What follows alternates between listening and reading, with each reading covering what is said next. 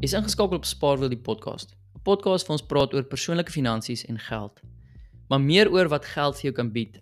Geld bied vir jou tyd, tyd wat jy kan spandeer saam met vriende, saam met familie, saam met geliefdes en aan dinge wat vir jou waarde heg in jou lewe.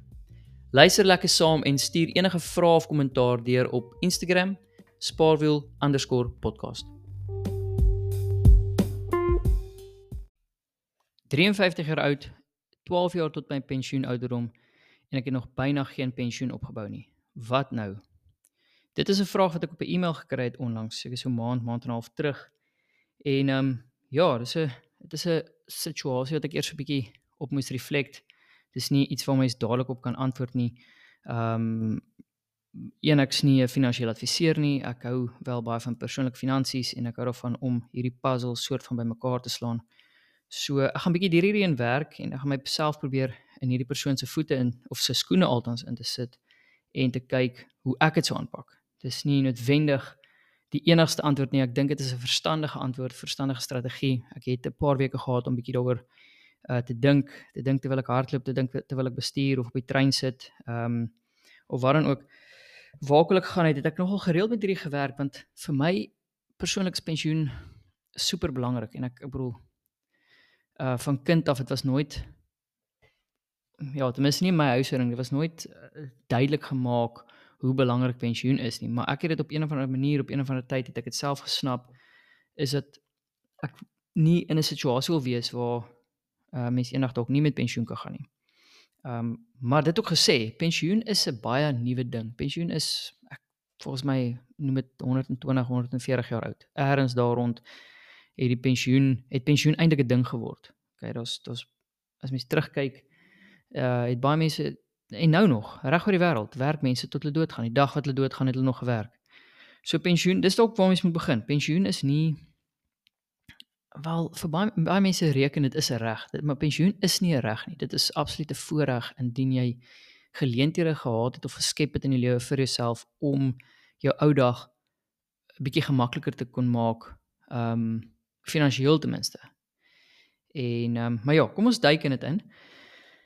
53 jaar oud beteken daar's 12 jaar tot en met pensioen.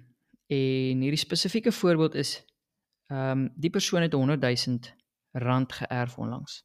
En dit is basies wat daar is in die pensioenpot. So is nie nul nie. Uh dis net nie baie nie. En ehm um, ons wil van hierdie van hierdie 100 000 wil ons natuurlik soveel as moontlik maak.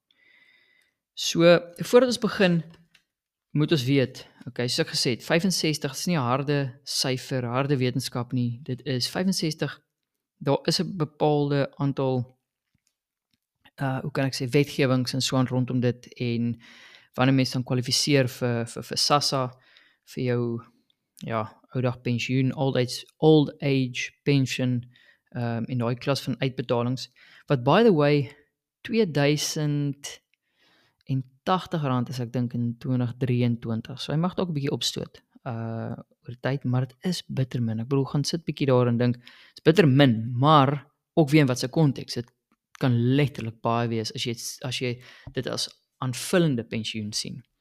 So ek dink dit is waar jy moet begin. Jy moet begin, okay, wat kan ek van die staat af kry van my 65ste af? In my situasie sou ek dan op pensioen gaan op as ek my pensioen ouderdom bereik. Okay, so dan nog 65 wees in Suid-Afrika teen die tyd. Ehm um, so wat kry ek dan van die staat af? En heidaglik is die syfer R2100. So dis waar jy mee kan werk. Jy, ons hoop dat dit meer is teen die tyd wat hierdie persoon oor 12 jaar pensioen met pensioen gaan.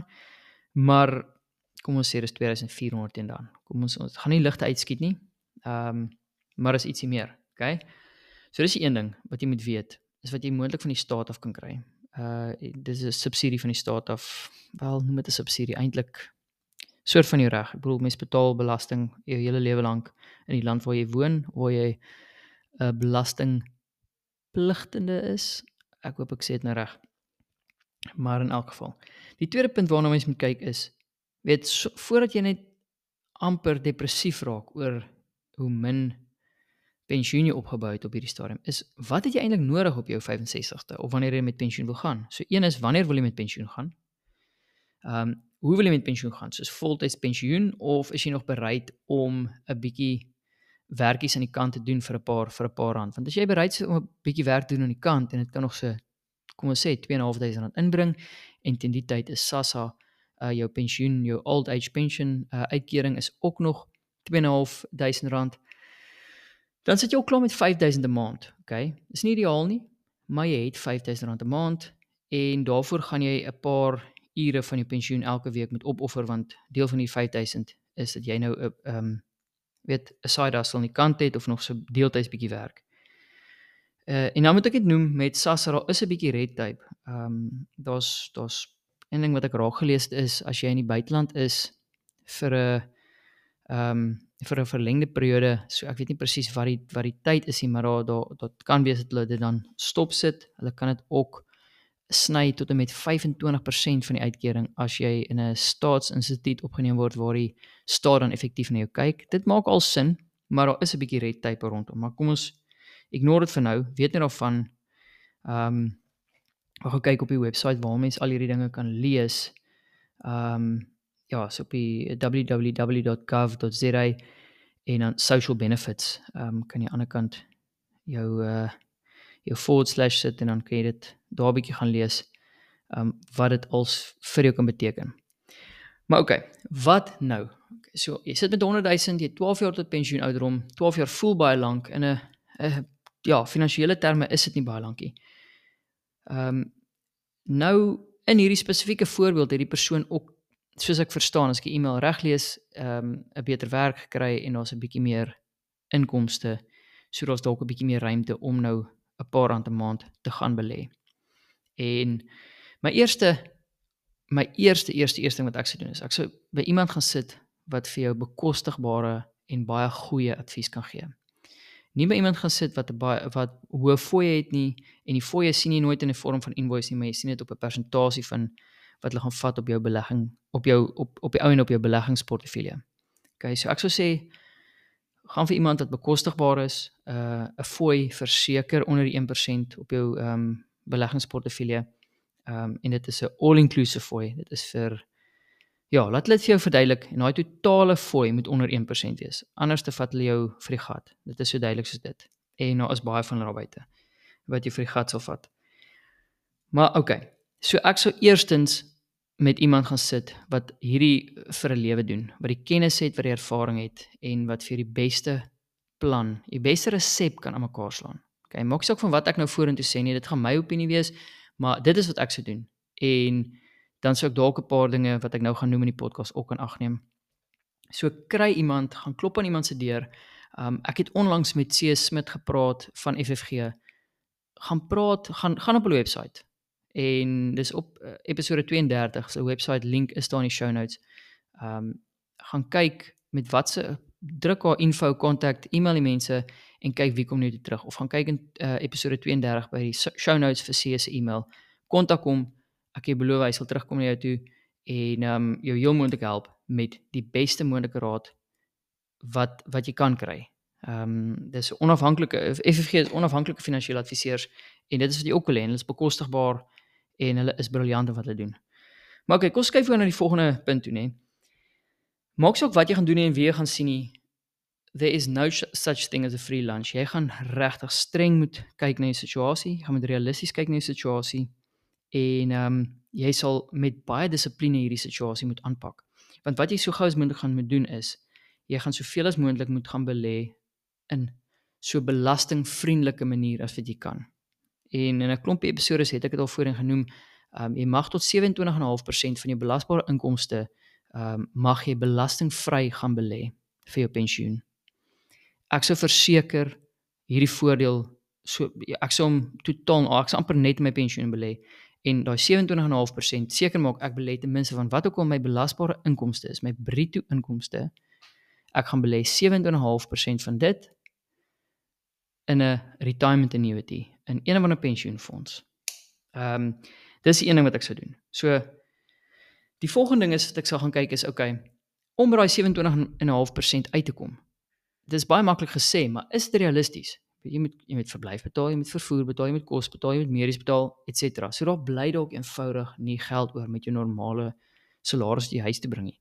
So hoe kan jy jou savings persentasie so hoog as moontlik kry? En een van die antwoorde is jy moet ek, ek weet dit gaan moeilik wees, maar jy moet gaan sny waar jy kan. Merk een of twee dingetjies in jou in jou lewe waar jy nie wil sny nie en vir die res gaan jy moet sny tot op die been en jou savings percentage so hoog as moontlik kry sodat jy so veel as moontlik, so slim as moontlik belasting belastingvriendelik slim as moontlik kan belê. Dit is uh dit is my dis my ja, suiwer my opinie. En vat hierdie ehm um, vat hierdie podcast episode of jy kennis of jy wat ek nou hier oordra en speel dit ook sommer vir see wanneer jy met hom praat. Ehm um, maar dit is letterlik wat ek sê, daar daar's as as iemand my hieroor stry, ek sal verbaas wees. Ons moet belasting en belastingvoordele kan jou ja, dis maak of breek wanneer dit kom by geld. Ehm um, dis of ja, dit ek ek kan amper nie indink hoe iemand nie belastingvoordele belê nie, want dit is soos die Nederlanders ook sê want ons bly in Nederland. Ehm um, ek praat in Afrikaans dat ja, ek ek daar's te min content op buite vir Afrikaners, maar soos die Nederlanders altyd sê dit is sonde van geld. En dit is spesifiek in hierdie situasie sonde van geld as jy nie so belastingvriendelik as moontlik ehm um, gaan belê nie.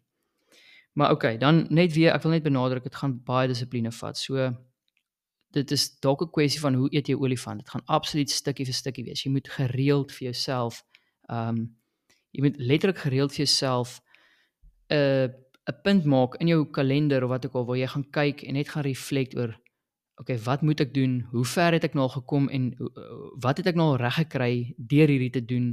Um jy moet gereeld gaan reflect en gaan kyk op jou resultate of jy werklik vordering maak.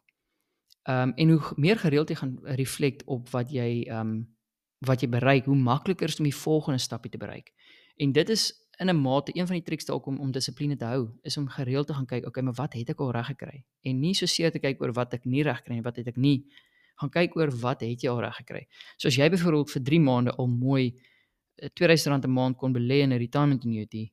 Celebrate dit, gee vir jouself 'n handeklap want dit maak die volgende maand of die volgende 3 maande makliker. En as jy dan reflect, is dit al 6 maande wat jy reg gekry het. En so so gereeld kan jy terugkyk en vir jouself net 'n pat on the back gee en sê, "Oké, okay, well done, ek's op die regte pad." OK, dan kom ons nader aan die tyd waar ek net die syfers wil verbyhardloop. En um jy moet ook kyk op ouderdom van 65 en ek het 'n bietjie vroeër net daaraan geraak. Wat wat wil jy doen of watse manier wil jy gaan aftree? Is daar dalk 'n kans dat jy iets kan doen na jou 65 te waar jy nog steeds geld kan verdien sonder dat daai 'n straf is? Uh, dit mag dalk iets wees wat jy baie baie van hou. Ek dink in my eie lewe iets wat ek dalk sal wil doen tot ek Hoe laat ek dit sê ek sal sukkel om dit nie te doen nie. Ek wil graag sport afrig vir die res van my lewe. Ehm um, ten minste is ek nou daar voel.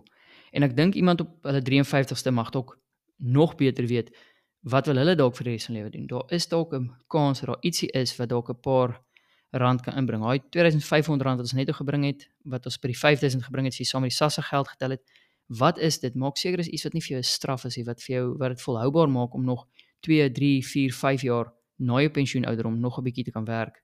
Ehm um, en as jy gelukkig is, dalk weet voltyds daarna nog, nie voltyds nie, uh, bedoel uh, vir langer as 5 jaar daarna nog deeltyds te werk. So dit dit is dit is 'n opsie en daai werk kan wees van dog sitting tot house sitting tot ek weet nie wat daar buite is nie. Dit mag dalk wees ja, dat mens ek weet nie, blomme doen by troues, dit wat ook al is, daar's iets wat jy spesifiek en en ja, jy wat nou luister, daar's iets wat jy van hou en waar jy dalk 'n geldjie mee kan maak. Um en dit is jy moet werd om dit te explore. Nou, kom ons by die somme en dit is en voor ek by die somme kom, iets wat ek seker vroeër moes genoem het is die nekry ook van van hierdie hele situasie is mens moet gaan kyk mens wil verkieslik by jou pensioenouderdom geen skuld hê nie. So mens moet ook gaan kyk wat se skuld kan jy gaan afbetaal en op watter manier wat se strategie is om skuld af te betaal so gou as moontlik. Ehm um, laat daai ook nie meer deel is van jou lewe en jou finansiële situasie nie.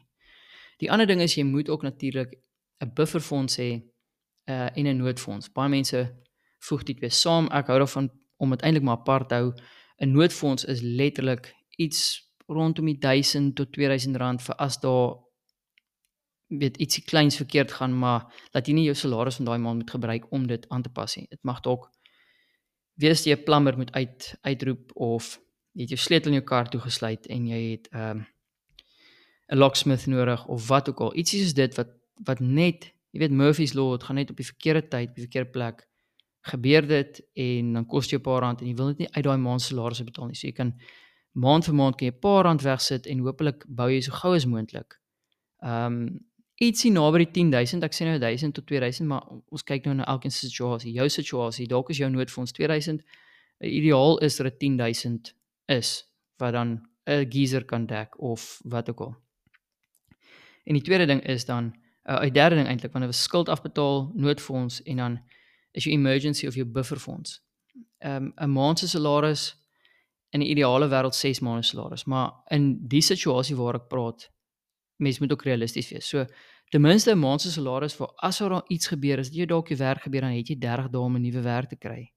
Of as jy dit kan doen, dalk weet 2 2 maande salaris. Maar nou het ek 'n oplossing ook vir hierdie is omdat jy gaan belasting slim gaan belê, omdat jy jou 27.5% gaan belê. Nou kan jy gaan oorweeg, okay, jy gaan geld terugkry van SARS af. Okay, want jy gaan die belastinggedeelte van daai 27.5% gaan jy terugkry. So jy gaan dit nou wanneer jy in in ehm um, Julie wanneer jy belastingopgawe gaan doen, dan gaan jy meld dat jy het 'n retirement annuity. Dit is heel moet ook al klaar gemeld op jou e-filing portefeulje en dan gaan jy belastinggeld van dit terugkry. Daai geld kan jy gebruik met tyd om jou skuld af te betaal. Moenie dit gebruik vir enigiets anders nie. Betaal so gou as moontlik jou skuld af.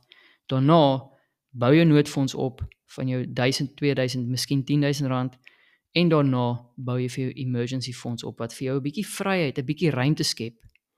Wanneer hierdie goedjies opgebou is, kan jy dit maandeliks, uh, jaarliks aanpas met 'n persentasie wat wat min of meer uitkom op inflasie dat dit die koopkrag van jou bufferfonds, jou noodfonds, ehm um, dieselfde bly tot met jou pensioenouderdom En dan ook as daai goederes aangepas is, dan begin jy ook jaarliks begin jy daai geld ook weer te herbelê in jou pensioen. Ja, dit is 'n mondvol. Dit is nie 'n maklike situasie, maar dit is tipies wat ek sou begin het. Ek sou begin het deur vir seele te kontak of 'n ander onafhanklike ehm um, finansiële adviseur wat billike uh, billike tariewe het. En ek sal die situasie net eerlik aan hulle ehm um, ja, eerlik aan hulle verduidelik en dan met dissipline aksie neem met die advies wat hulle vir jou gaan gee. En nou dissipline is is baie belangrik en dan realisties kyk wat kan jy dalk nog doen na jou pensioenouderdom om nog 'n paar rand ekstra te kry en ook moenie vergeet van jou SASSA van jou pensioen old age pension wat die staat ja, jy skuld nie. Dis kan nie op 'n ander manier sê nie. So die syfers, jy het begin met 'n 100 000 rand of die persoon op hierdie situasie. En 12 jaar later sou jy dit reg gekry het en hierdie sluit die belastingvoordele uit van wat SARS dan jaarliks 'n paar rand sal teruggee omdat jy so slim en belastingvriendelik belê.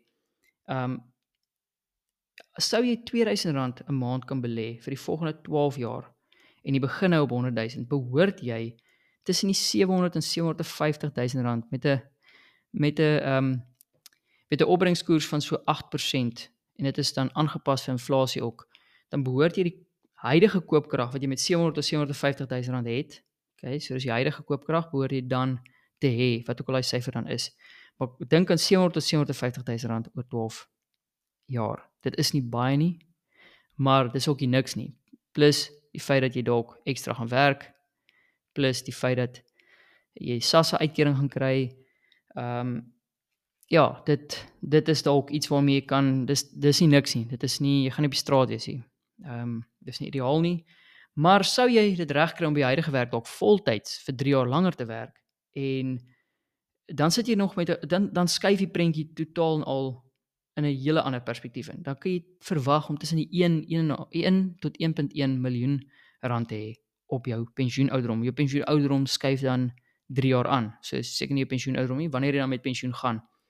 En die voordeel hiervan is daai 3 jaar wat jy ekstra werk, betaal jy ook gaan jy dan ook nie onttrek uit jou pensioen uit nie. So jy gaan met jou salaris betaal vir jou ehm um, vir jou lewe daai 3 jaar plus jy gaan aanhou belê plus dan 3 jaar later het jy dan 1 tot 1.1 miljoen in plaas van 3 jaar vroeër het jy 700 tot 750 000 rand.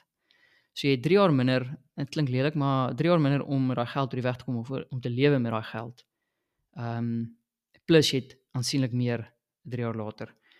So dit is as jy R2000 'n maand kan belê. En ek weet daai R2000 klink nou dalk soos 'n berg, maar dit is 'n opsie. So oorweeg dit. Uh kyk hoe kan jy by daai R2000 uitkom?